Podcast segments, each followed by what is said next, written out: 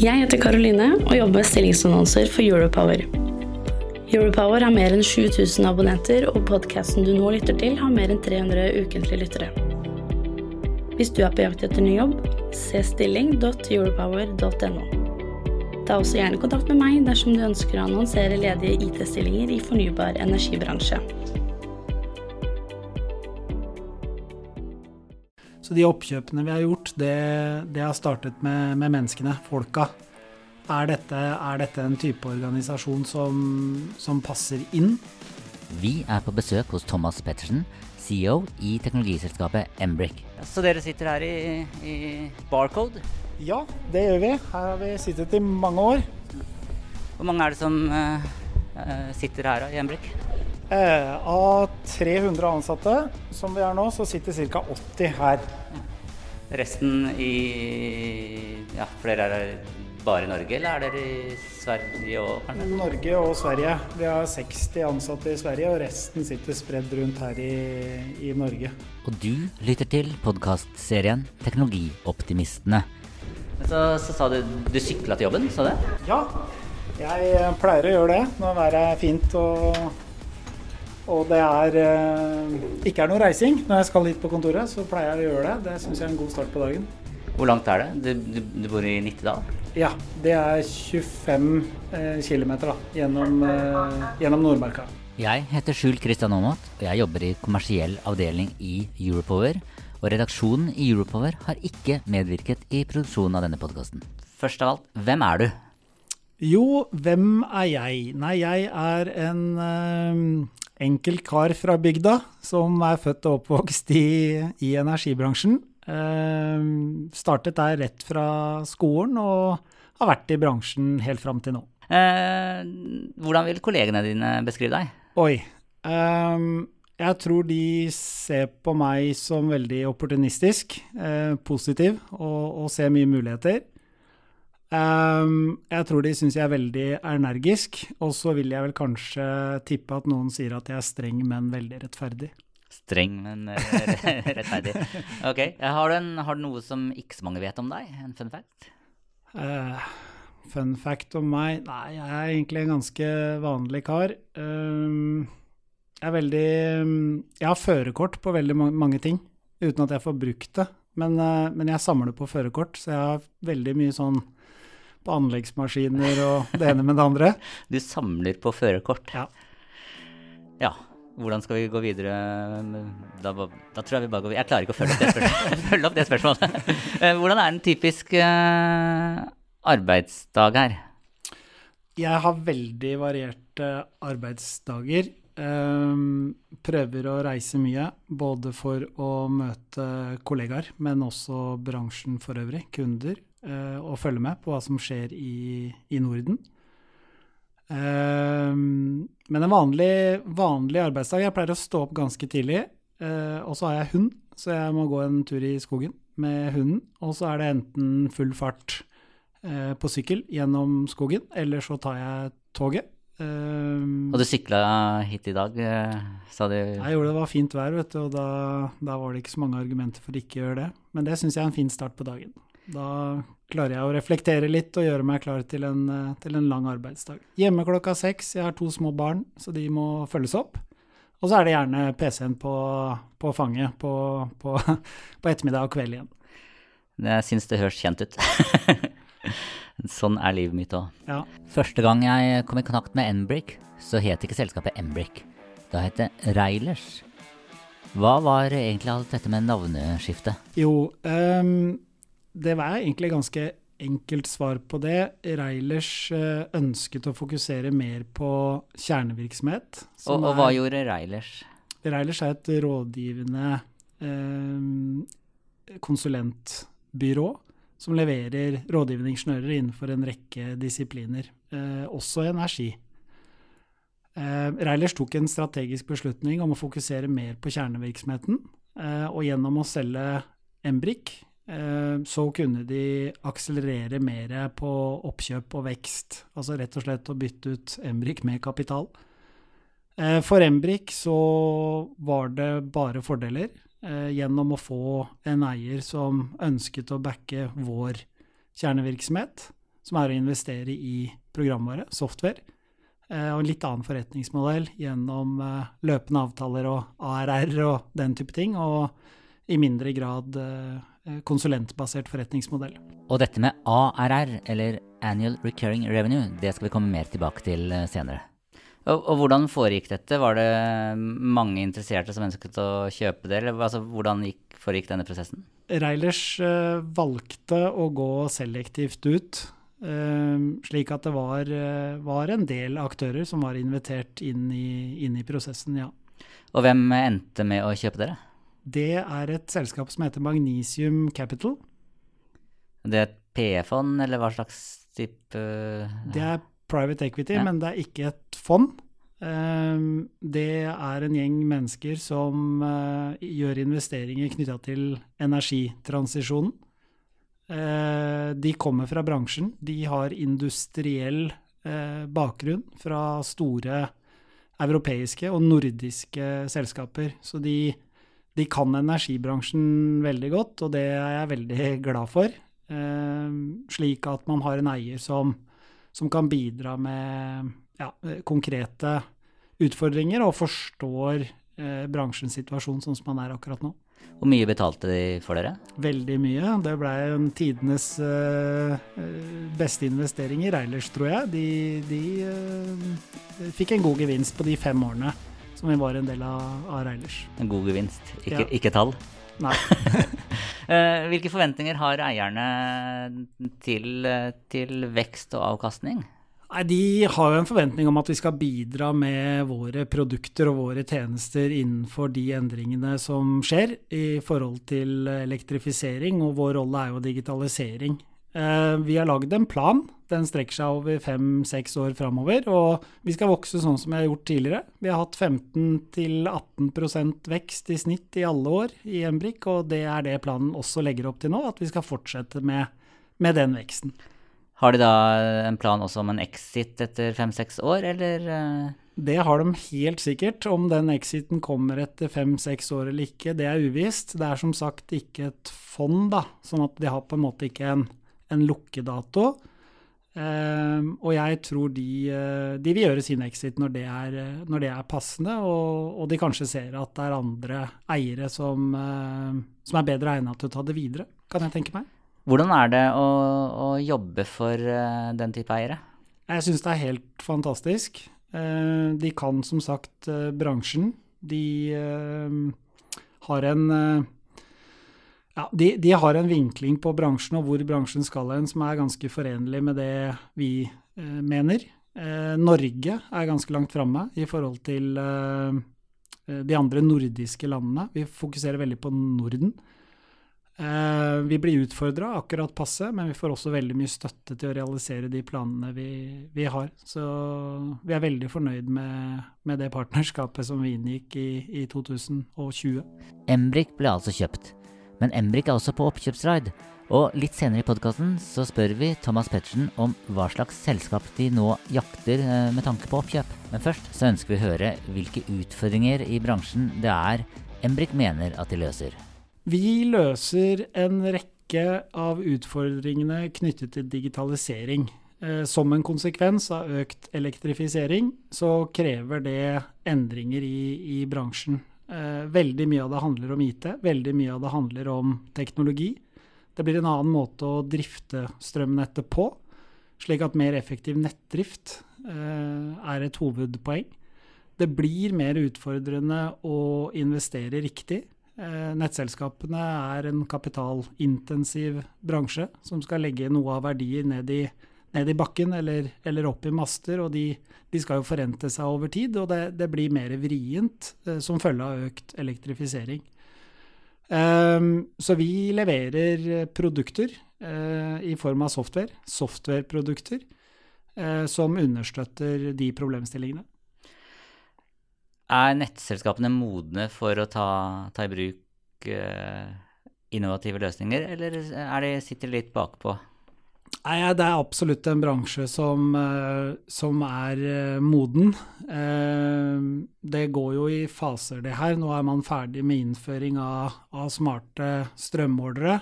Kjempestort prosjekt. Tidenes største enkeltinvestering for mange av nettselskapene i, i Norge.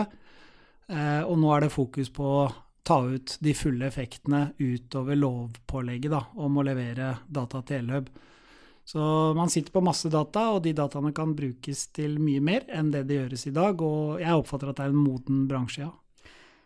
Er, dere, altså er det software as a service, altså SAS, dere fokuserer primært på å levere? Absolutt. Mm. Hvordan tenker nettselskapene rundt uh, skyløsninger? Nei, altså dette også er jo en modningsprosess. Når det gjelder bruk av skytjenester, så har vi jo et lovverk som vi absolutt må forholde oss til.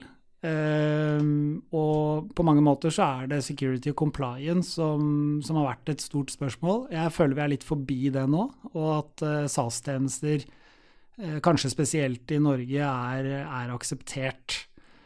Ehm, der ute så er det litt uh, ulik modenhet uh, så langt, uh, men jeg tror jeg er forbi det, og jeg tror det er det som kommer ja, for, til å gjelde. For du har jo alt fra store Elvia til små nettselskaper der der nesten IT-sjefen er også kokk og Altså bitte små nettselskaper? Ja.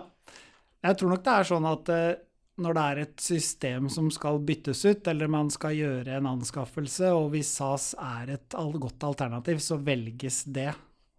Eh, hvis vi ser på resten av eh, Norden og Europa, eh, så er det store forskjeller. Sverige har fortsatt eh, store eh, modenhetsutfordringer når det gjelder eh, bruk av skytjenester, til sammenligning. Da snakker vi jo om data som, eh, som toucher eh, forsyningsforskrifter eh, eller andre typer lovverk. Da. I Norge så er det mer enn 100 nettselskaper. Noen store og noen bitte små. Hva mener du skiller de ulike aktørene når det gjelder IT? Hm. Det er ganske mange ting. Det er klart at et lite nettselskap har jo i utgangspunktet muligheten til å være ekstremt agile. Ehm, de har kanskje en mindre kompleks applikasjonsportefølje. De, de, de, kan i utgangspunktet utnytte det, at de kan bevege seg kjappere. Eh, utfordringen der kontra de store er jo gjennomføringsevne i form av kompetanse, eh, ressurser og, og den type ting. Um, oppfatter at alle har en sånn ganske klar formening om hvor de skal, hva de må gjøre. Eh, men det er stor spredning i feltet på, på gjennomføringsevne. Det er altså stor spredning i feltet på gjennomføringsevne. Hva er eh, konsekvensen eh, av dette? Konsekvensen av det tror jeg først og fremst er at det kommer til å, å fortsatt pågå en konsolidering. Jeg tror det handler veldig om å innfri i forhold til kapasitets utfordringer i nettet, rett og slett. Uh, at nettselskapene på en måte får litt skylda for, for, manglende samfunnstiltak. Det kan være industriområder, det kan være elektrifisering. Så må vi også huske på at nettselskapene, selv om de er små, så, så er det også Statnett har en veldig stor betydning. Eh, altså transmisjonsnettet, eh, som også er en flaskehals. Men at de er små, eh, jeg tror de må søke, de må søke sammen. Jeg er helt sikker på at volum eh, kommer til å bli avgjørende. Eh, nettopp fordi at med, med digitale tjenester så, så, har du muligheten til å håndtere et stort volum like greit som et lite volum. Eh, nettselskapene fusjonerer. Eh, veldig mange har allerede gjort det, og det kommer flere fusjoner.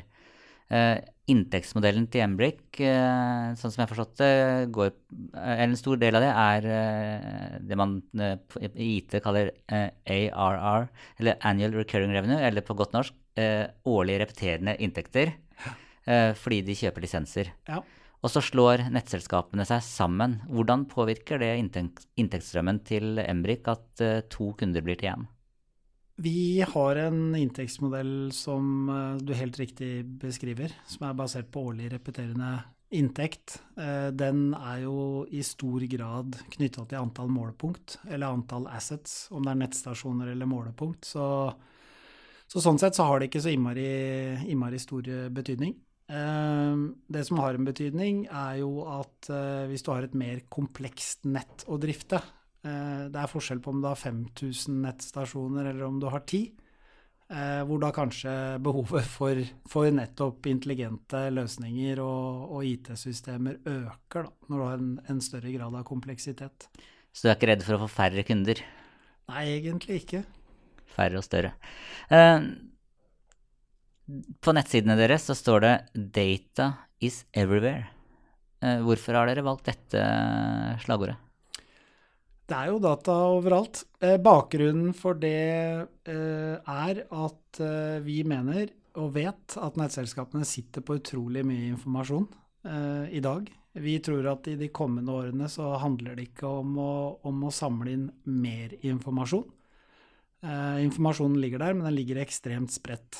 Den ligger i ulike fagsystemer, helt adskilte fagsystemer. Største potensialet nå det er å bruke de dataene som du allerede har. Da må de sammenstilles, og de må kanskje knas litt og analyseres litt for å dekke et konkret formål, da, en hensikt. Så det er nok data der ute?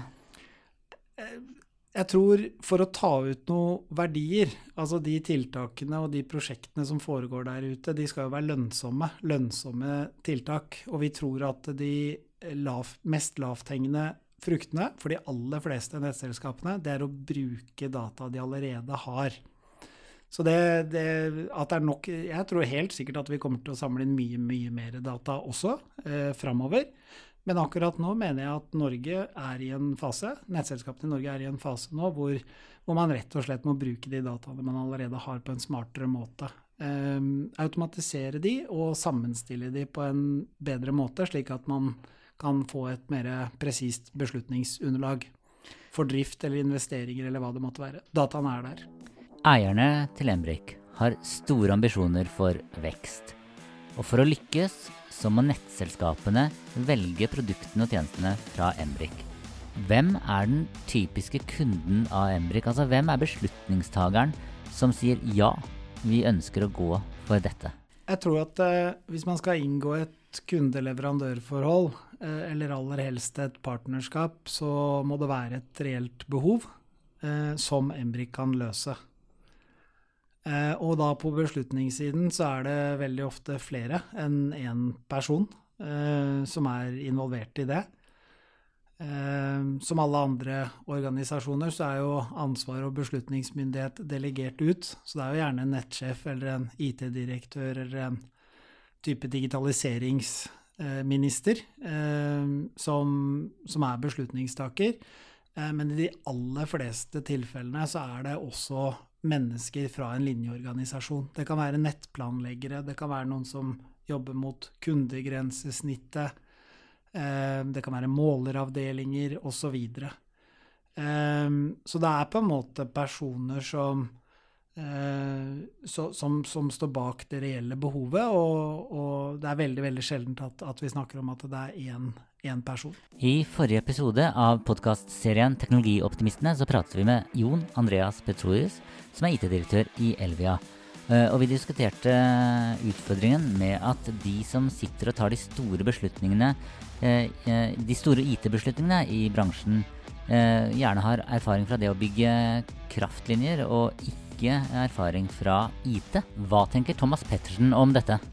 Det, det er jeg enig med Jon Andreas i. Eh, det er nye måter å angripe problemstillinger på. Eh, valg og beslutninger innenfor IT er blitt mye mer langsiktig strategisk viktige.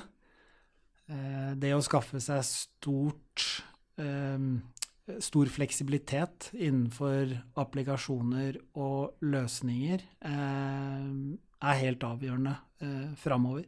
Fordi endringstakten blir så stor. Eh, behov for nye systemer og, og, ny teknologi øker. Så det er klart at man må, må nok eh, ta beslutninger basert på en litt sånn kombinert eh, bakgrunn og kombinert erfaring. Eh, jeg, tror, jeg tror ene ytterpunktet er det er nok ikke lurt å ta beslutninger bare basert på IT. Det er nok smart å ha med noe av nettdriftskompetanse eller elkraftkompetanse, da, som en kombinert greie. Men, men, men, IT er, og teknologi er ekstremt strategisk for nettselskapene. Hvis du har et nettselskap som dere ikke har som kunde i dag, hvordan foregår et innsalg til dem? Vi, vi, er veldig opptatt av å dekke et behov. Um, og det er klart, eh, vi har jo våre, uh, våre syn på bransjens generelle behov. Uh, men det å ha en løpende dialog og, og høre hva de selv tenker, uh, hvor, hvor, er lønnsomheten størst ved å ta en beslutning? stor variasjon i bransjen der på hvor man ønsker, eller hvor man ser at digitaliseringsgevinsten er størst. Um, og det er jo litt uh, avhengig av topografi, størrelse på nettselskapet, historikk osv. Ehm, men det er det å identifisere, identifisere et reelt behov som, som, vi kan være med å, å, dekke, rett og slett. Menneskene i Embrik. Uh, du leder eh, det som etter hvert har blitt en større flokk. Uh, en del av veksten har også foregått gjennom oppkjøp. Altså det er ikke bare organisk vekst, men også oppkjøp. Uh, er, kommer dere til å kjøpe flere selskap på vei altså de neste fem-seks årene? Det er veldig sannsynlig at vi kommer til å gjøre det. Hva ser dere etter da? Vi jeg tenker at oppkjøp er eh, Vi gjør dette ganske klinisk. Eh, vi er humanintensive. Det er, er mennesker som jobber her. Eh, og egenkapitalen går hjem hver eneste dag i, i Embrik. Så de oppkjøpene vi har gjort, det, det har startet med, med, menneskene, folka. Er dette, er dette, en type organisasjon som, som passer inn?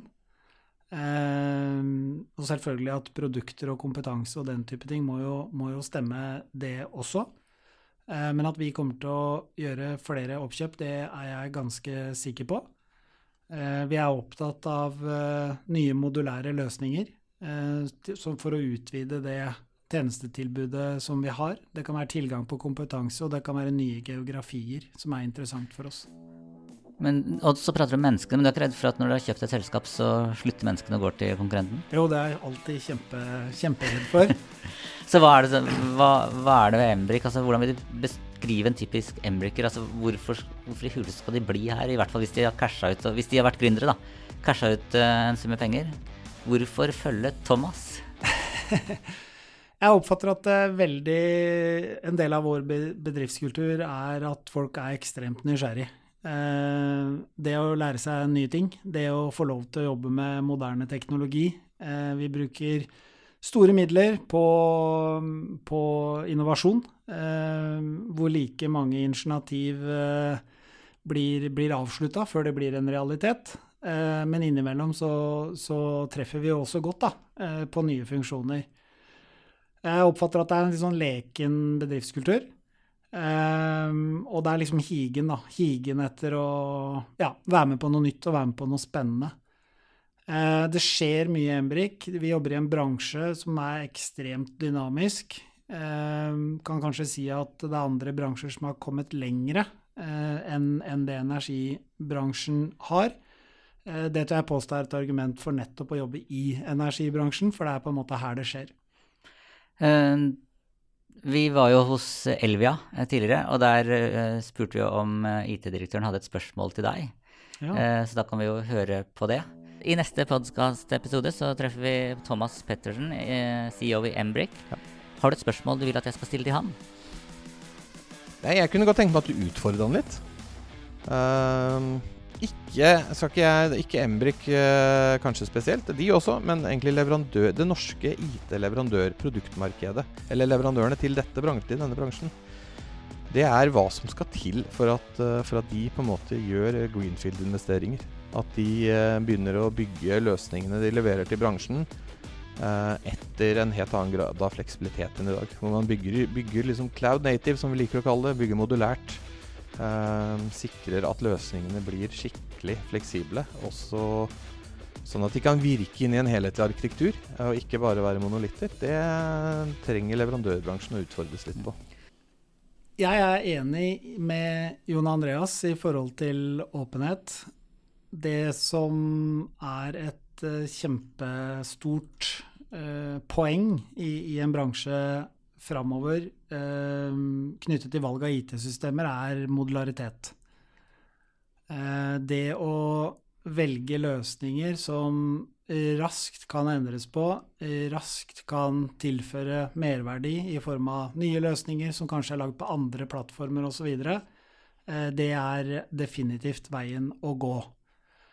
Um, sånn som vi tenker, altså vi kalte selskapet for M-Brikk. Um, og, og Brikk her, det består jo nettopp i at det er data uh, veldig, veldig mange plasser.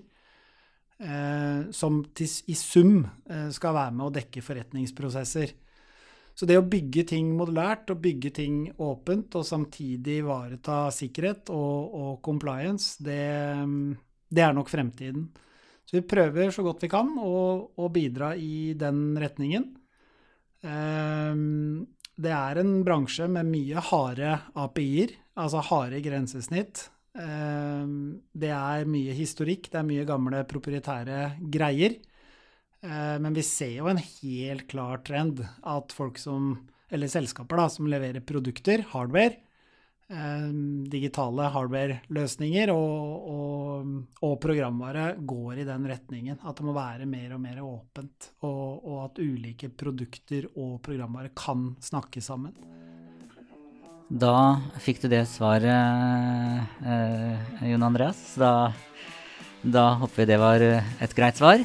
Eh, du skal få samme utfordringen, eh, Thomas, på, på, for neste episode så skal vi til Beate Sander Krogstad, som er konserndirektør i transformasjon og digitalisering i Statnett. Eh, hvilke spørsmål bør vi stille til henne? Statnett spiller jo en kjempestor rolle eh, for bransjen. Og jeg tenker at et naturlig spørsmål der, det er om det pågår eh, konkrete aktiviteter, og om hun kanskje kan si noe om datautveksling med DSO-ene. Eh, vi ser jo at inntektspunktene i distribusjonsnettet blir mer og mer sentrale. Og eh, ja, om, om det er eh, grensesnittdiskusjoner da, på, på, nivået mellom TSO og DSO som, som vil endres på framover. Bra. Da kommer vi til det aller viktigste spørsmålet, som er et spørsmål som jeg stiller til alle gjestene. Min første datamaskin var en Amiga 500. Hva var din? Det var en Commodore 64. Med diskettstasjon eller kassettspiller? Det var, eh, det var kassettspiller. Og da måtte jeg sette på loading, og så kunne jeg gå og spise middag. Og når middagen var ferdig, så var eh, programmet ferdig var til bruk. Pil L og press play on tape? Stemmer. Stemmer. det var tider. Tusen takk til deg, Thomas Pettersen, for at du tok deg tiden til å være med i denne podkasten som vi har kalt uh, Teknologioptimistene. Vi har kalt den det, for vi tror at uh, nyskapende teknologi må til for at vi skal klare dette FNs klimapanel sitt mål. Eh, og rett og slett eh, redde verden. Selv tusen takk. Og tusen takk til deg som har lyttet til denne episoden av Teknologioptimistene med Thomas Pettersen, CEO i Embrik. I neste episode så treffer du Beate Sander Krogstad, som er eh, konserndirektør for transformasjon og digitalisering i Statnett. Og jeg heter Skjul Kristian Aamodt, og jeg, jeg er en teknologioptimist.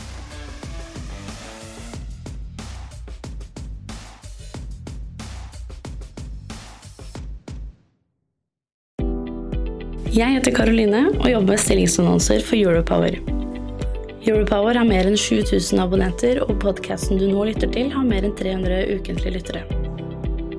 Hvis du er på jakt etter ny jobb, se stilling.europower.no.